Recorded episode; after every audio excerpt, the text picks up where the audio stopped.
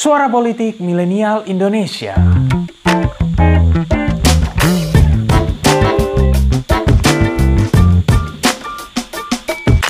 Halo Sobat Pintar Politik, terima kasih kembali lagi di channel YouTube Pintar Politik. Uh, hari ini istimewa, kita mengunjungi uh, Mas Evan Laksmana.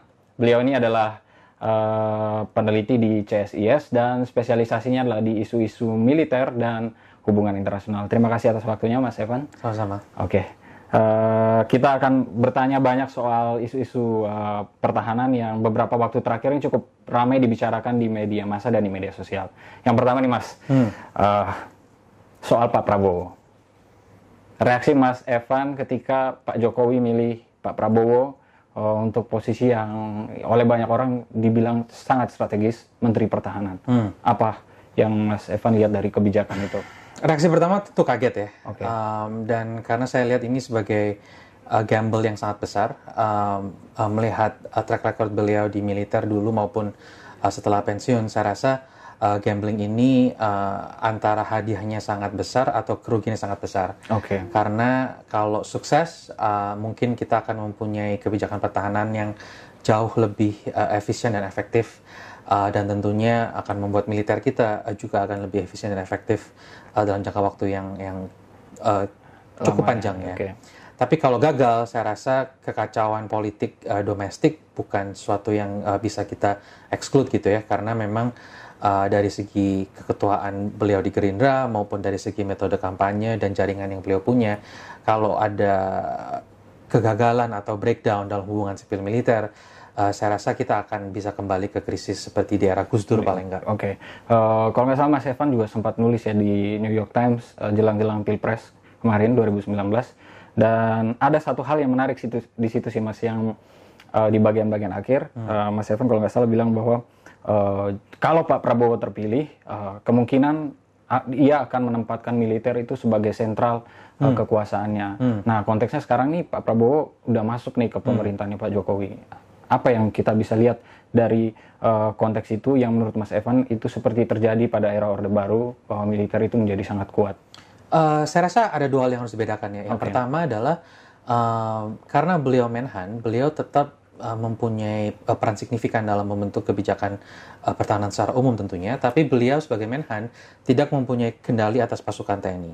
Okay. Jadi TNI tetap di bawah uh, Panglima dan hanya di, uh, digerakkan atas uh, perintah Presiden. Jadi uh, kemampuan Pak Prabowo meskipun beliau ingin untuk menempatkan militer lebih sentral pun juga nggak gampang karena uh, militer tetap bukan di bawah uh, kendali beliau bahkan uh, Mabes TNI dan dan Kemhan adalah mitra yang yang yang uh, kurang lebih sama dalam arti uh, sejajar untuk untuk membentuk ke kebijakan militer yang yang okay. yang efektif. Jadi uh, saya rasa memang uh, Pak Prabowo tentunya akan akan lebih vokal dibandingkan Pak Rizat. Oke. Okay. Uh, dan tentunya uh, beliau akan mempunyai ide-ide yang yang lebih lebih muncul di publik uh, dibanding Pak Rizat.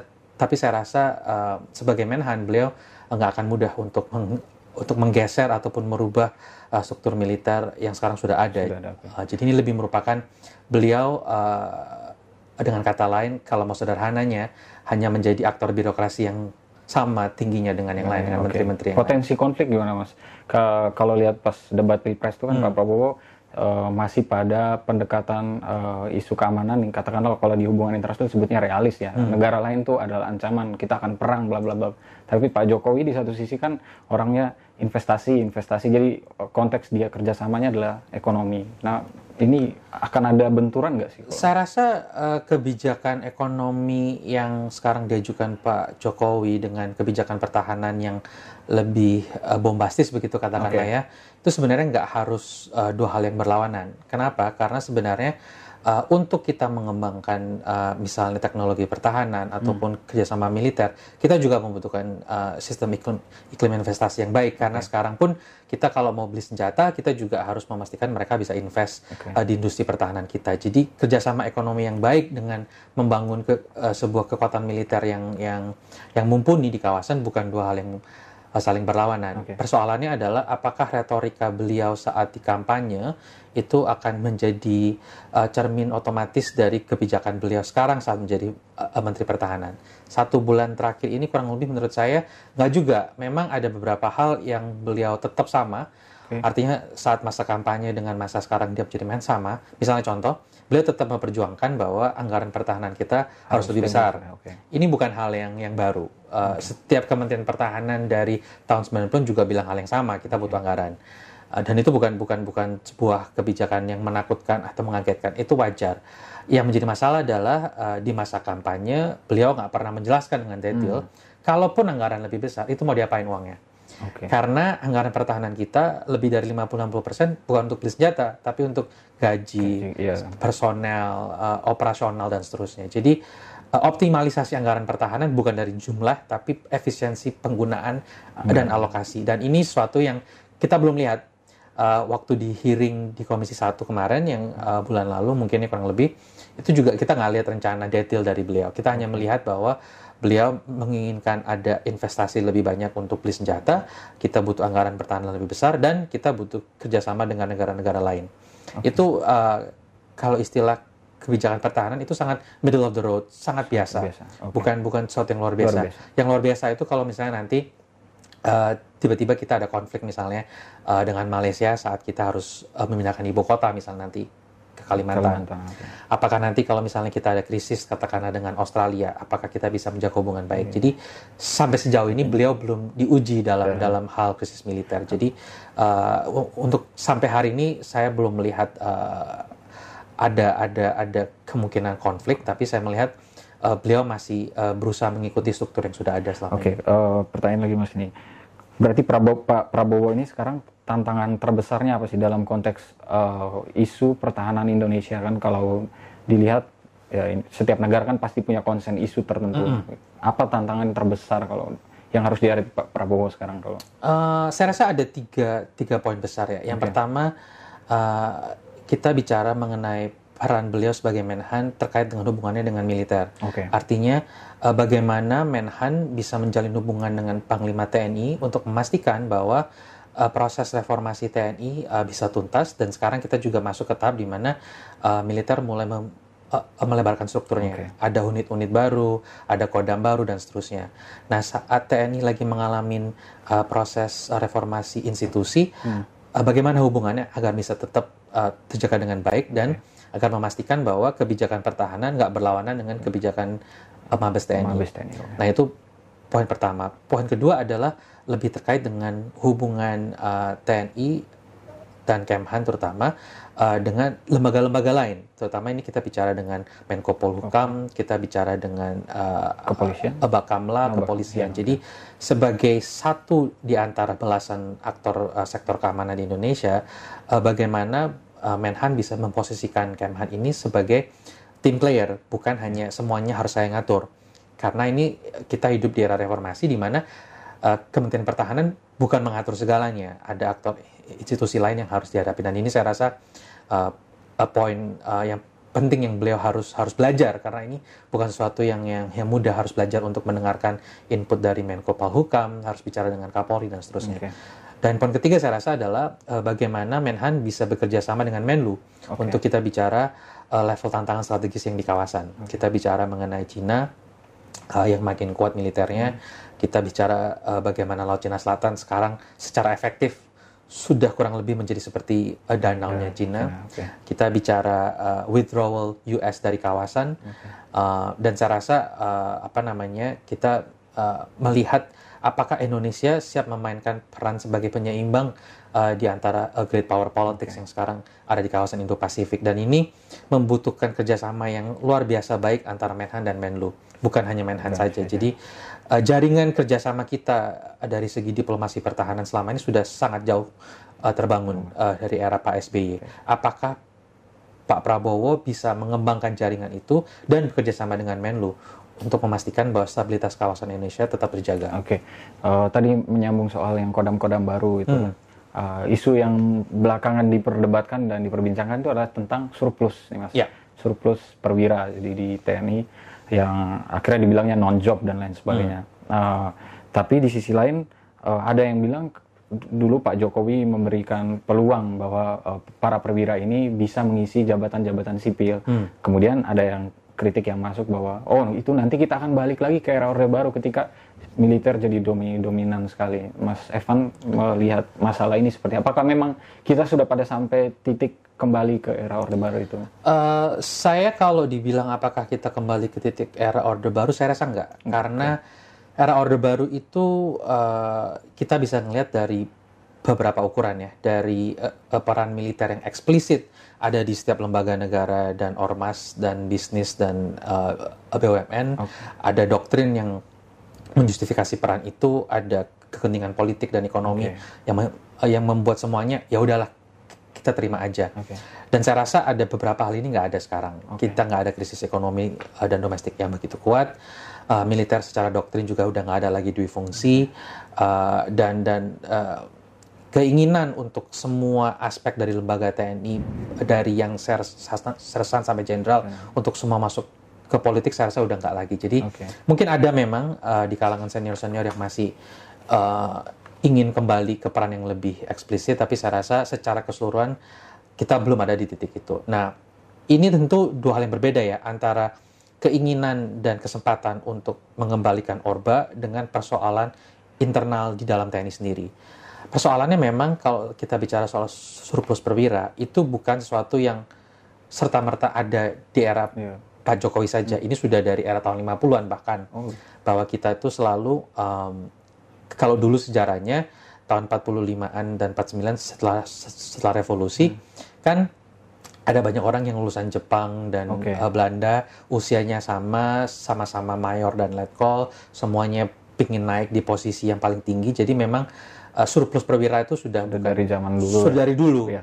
Dan uh, di era Soeharto itu nggak masalah karena kita bisa ada dua fungsi. Okay. Kelebihan perwira kita bisa taruh dia di DPRD, jadi bupati, jadi komisaris BUMN, kita nggak masalah. Okay. Jadi saat ada ekspansi uh, jumlah perwira di era uh, Pak Soeharto, kita nggak masalah, kita bisa taruh di mana pun yang kita mau. Okay. Di era reformasi, semua itu kan ditutup. Okay. Kita nggak ada fungsi, kita nggak ada jabatan sipil untuk perwira aktif dan seterusnya. Hmm. Nah, memang uh, dari era uh, Habibie, dari era Megawati dan Pak SBY, kita ada beberapa kesempatan untuk merombak sistem personel keseluruhan Eh, misalnya contoh, kita ada kesempatan untuk menghentikan jumlah lulusan akmil misalnya. Oke. Okay, jumlah lulusan akmil itu setiap tahun sekitar sekarang hampir 5600. 5600. Padahal dulu di era puncaknya Orde Baru tahun 70-an, hmm. jumlah lulusan akmil cuma 300. Oh. Itu di saat kita bisa taruh orang di mana-mana. Ya. Sekarang saat kita nggak bisa taruh orang di mana-mana, kenapa jumlah akmil malah bertambah? Nah, nah ini kan sebuah uh, hal yang yang berlawanan gitu kan dengan realitas jelas-jelas kita kekurangan posisi, tapi kita tetap menerima orang lebih banyak. banyak okay. Nah akibatnya eh, kita lihat sekarang, call menumpuk, eh, bintang satu menumpuk, jadi eh, model piramida kita memang susah. Jadi memang ada ada concern real, bukan bukan sebuah retorika belaka, memang ada concern real bahwa kita kebanyakan perwira non job. Okay. Uh, di era SBY sedikit banyak uh, beliau berusaha mengurangi logjamnya ini dengan uh, melebarkan struktur kodam. Oke, okay, kodam. Uh, dengan meningkatkan uh, diplomasi pertahanan. Jadi dikirim keluar untuk sekolah, uh, atas pertahanan dan seterusnya. Jadi ada ada beberapa uh, job atau atau tugas yang memungkinkan tetap profesional tanpa harus semuanya uh, mandek tanpa job. Nah, okay. di era Pak Jokowi solusi short termnya adalah melebarkan keran itu. Oke. Okay. Jadi sebenarnya hmm. solusi Pak Jokowi ini bukan solusi beliau menaruh militer di posisi sipil entah itu di kementerian ataupun ke luar negeri ataupun melebarkan struktur uh, kodam uh, itu bukan solusi Pak Jokowi. Ini okay. diwariskan oleh Pak SBY. Pak SBY yang memulai. Okay. Pak Jokowi yang melebarkan dan bahkan sekarang agak sedikit kelebaran karena sekarang ada aturan baru mengenai uh, Japfung ya. Oh, jabatan fungsional. Okay. Uh, jadi uh, sekarang itu perwira aktif bisa katakanlah level call ataupun uh, bintang satu bisa uh, ekuivalen dengan misalnya eselon 3 atau eselon 2 di kementerian lain sesuai dengan fungsionalnya. So okay. misalnya dia uh, let call tapi punya S3 di bidang bencana misalnya, hmm. dia bisa menjadi uh, eselon 2 atau 3 di kementerian, kementerian di BNPB ataupun yang lainnya. Jadi ini um, sedikit banyak memang bukan solusi permanen, ini solusi short term dan hanya menempel saja. Karena sebenarnya uh, seskoat tetap uh, jumlahnya kebanyakan, akmil tetap jumlahnya kebanyakan dan kita sistem merit base-nya belum jalan. Jadi kita semuanya berdasarkan uh, kalau di militer tuh ada istilahnya siapa bapaknya. Dan itu yang akan nanti menggiring dia masuk. Dan yang lebih repot saya rasa adalah uh, ada ada informal institutions atau ataupun habit gitu ya hmm. budaya bahwa kalau anda uh, selesai jabatan hmm. anda berhak mencalonkan siapa yang menggantikan anda oh. biasanya teman satu angkatan okay. bukan angkatan di bawahnya oh. jadi proses regenerasinya pun juga mandek Okay. Nah ini saya rasa bukan bukan suatu hal yang bisa di, dipecahkan dengan menambah uh, jumlah yeah. buat TNI di Kementerian Sipil. Jadi apa yang Pak Jokowi lakukan ini cuma solusi short term aja karena nanti 4-5 tahun lagi akan nambah lagi. Oke. Okay. Pasti nambah. Angkanya jelas kok. Uh, tren uh, tren logjamnya jelas. Oke. Okay. Berikutnya nih Mas. Ini isu yang uh, kemarin ramai ini di, hmm. dibicarakan juga di Wolverine Pinter Politik itu terkait wacana Kementerian Pertahanan akan melakukan pelatihan uh, bela negara untuk TKI, mas. TKI yang akan dikirim ke luar negeri. Hmm. Nah, banyak yang bilang nih, ini Indonesia mau invasi Malaysia atau gimana sih? TKI-nya dilatih bela negara biar bisa angkat senjata atau sejenis lah gitu. Mas uh, Evan sendiri menilai program ini emang kita sedang butuh itu atau ini program yang seperti apa nih, mas? Sebetulnya kalau kita bicara itu repotnya adalah saya rasa Kemen sendiri nggak tahu bela negaranya apa. Oke. Okay. Karena kita lihat bahkan ada jejak pendapat Kompas mungkin dua tiga hari lalu yang bilang sebenarnya apakah rakyat Indonesia setuju bela negara? Iya setuju. Anda tahu nggak detailnya apa? Enggak juga. Jadi sebenarnya kita nggak tahu apakah bela negara ini kita bicara apa yang dikenal dengan basic military training. training okay. Artinya dia ada drill, ada pakai senjata, hmm. ada baris berbaris dan seterusnya. Atau kita hanya bicara misalnya Anda belajar soal Pancasila, hmm. Anda belajar soal sejarah Indonesia. Kita nggak tahu nih karena ada banyak variasi uh, dari program bela negara di era term pertama Pak Jokowi. Baik. Dan itu range-nya cukup jauh dari beneran uh, basic military training sampai Anda uh, duduk di kelas 3 jam. Nah ini kita nggak tahu range-nya apa, so kita juga nggak bisa bilang persis seperti apa, tapi secara prinsipil, uh, kalau kita bicara basic military training, saya rasa memang itu harus uh, jelas ketentuan regulasi dan undang-undangnya.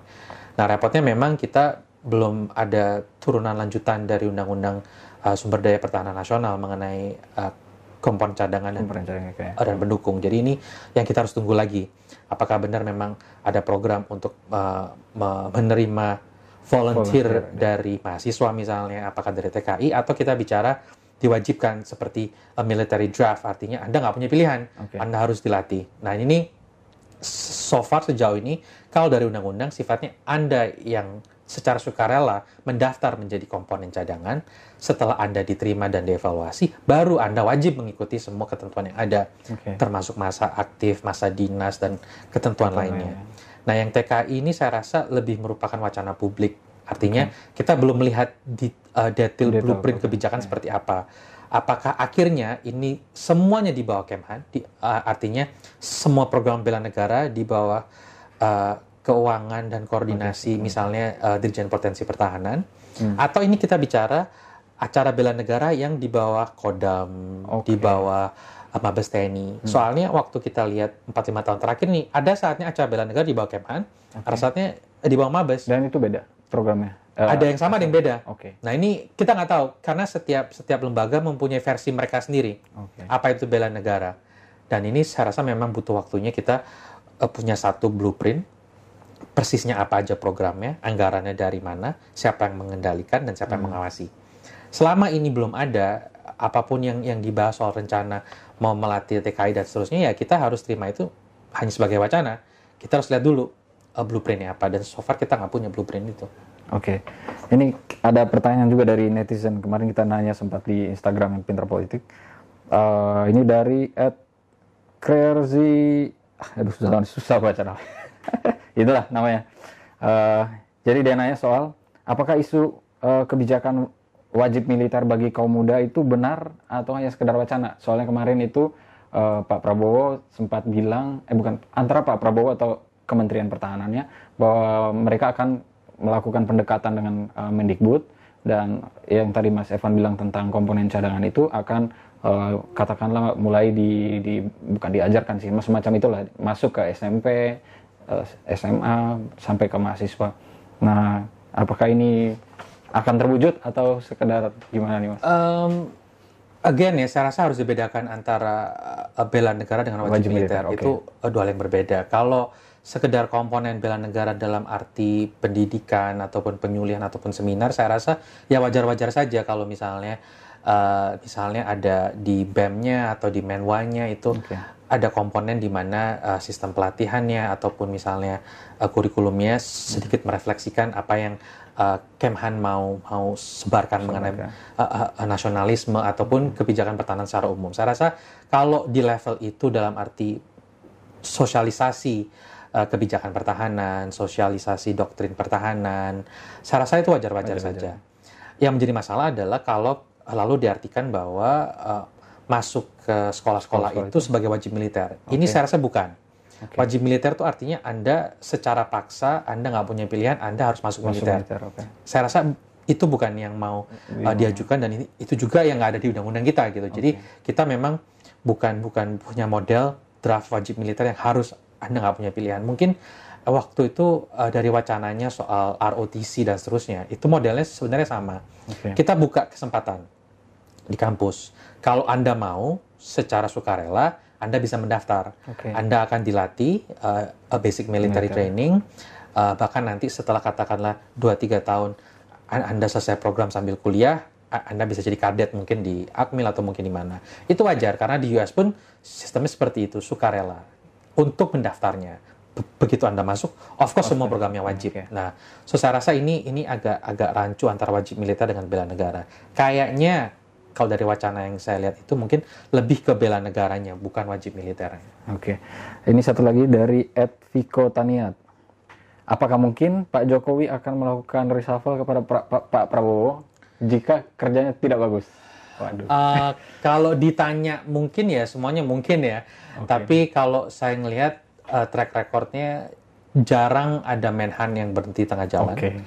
Pak uh, Yuwono full term, uh, Pak Purnomo full term, Pak Ramrizat full term. Jadi mereka lebih prefer uh, kesinambungan ya. Uh, pertama, kedua, saya rasa kalau mereshuffle Pak Prabowo tanpa ada satu skandal atau krisis, saya rasa akan sulit uh, dijustifikasi karena tetap uh, beliau tetap ketua umum Gerindra. Oh, iya. Jadi ada ada persoalan hitung-hitungan politik yang yang memang nggak sama kalau misalnya uh, kemarin misalnya mereshuffle Pak Damrizat. Oh, iya. Efek politiknya tentu nggak sama dengan sekarang mereshuffle uh, Gerindra dari uh, kabinet ya. Jadi kalau dibilang apakah ada kemungkinan ya secara hak prerogatif presiden ya tentu ada kemungkinan tapi besarkah kemungkinannya saya rasa nggak besar. Nggak besar. Hmm. Oke. Okay. Kecuali ada skandal atau krisis. Ya. Sesuatu yang heboh. Yang drastis ya. Oke. Okay. Okay. Uh, eh, terakhir nih mas, mungkin um, ada nggak satu hal mungkin yang uh, Mas Evan bisa berikan catatan katakanlah untuk konteks uh, Indonesia pertahanan isu-isu pertahanan dan hubungan internasional katakanlah Indonesia di era kedua Pak Jokowi ini apa sebenarnya yang harus ya utama lah kita konsen di situ mungkin Mas. Saya rasa kalau dari agenda lama yang, yang kalau saya boleh nyatakan ulang ya, sebenarnya yang penting untuk kebijakan pertahanan kita adalah kita harus lebih keluar dan bukan ke dalam. Oke. Okay. Biarkan institusi sipil dan polisi yang memperkuat persoalan-persoalan di dalam, biar militer lebih keluar. Kita harus lebih uh, bisa membandingkan diri kita bukan dengan polisi, tapi gimana TNI membandingkan dirinya dengan Singapura, Singapura dengan okay. Australia, dengan Malaysia. Jadi uh, militer itu lembaga ya yang secara hakikatnya sistem perbandingan. Okay. Saya lebih kuat atau lebih lemah dibanding siapa, bukan secara mutlak. Okay. Nah, kalau kita membandingkan tugas dan fungsi, memang sayangnya uh, mayoritas sejarah kita membuat TNI harus aktif di dalam negeri. Okay. Tapi kita hidup di masa di mana kita nggak bisa lagi mengabaikan situasi luar negeri. Luar negeri ya. Jadi sekarang situasi di kawasan kita sudah jauh berubah uh, dalam 5-10 tahun terakhir dan sudah saatnya TNI lebih melihat keluar okay. uh, eh, bagaimana kita merubah doktrin baru kita uh, merubah sistem persenjataan merubah sistem pendidikan dan pelatihan ini penting sekali um, dan of course uh, merombak sistem personal agar kita lebih bisa profesional secara organisasi bukan hanya secara uh, retorika. retorika. Oke, terima kasih Mas Evan untuk waktunya hari ini. Terima kasih telah mendengarkan episode kali ini. Nantikan episode-episode selanjutnya dan jangan lupa untuk kunjungi pinterpolitik.com untuk dapatkan informasi seputar fenomena politik di Indonesia. See you next time and bye-bye.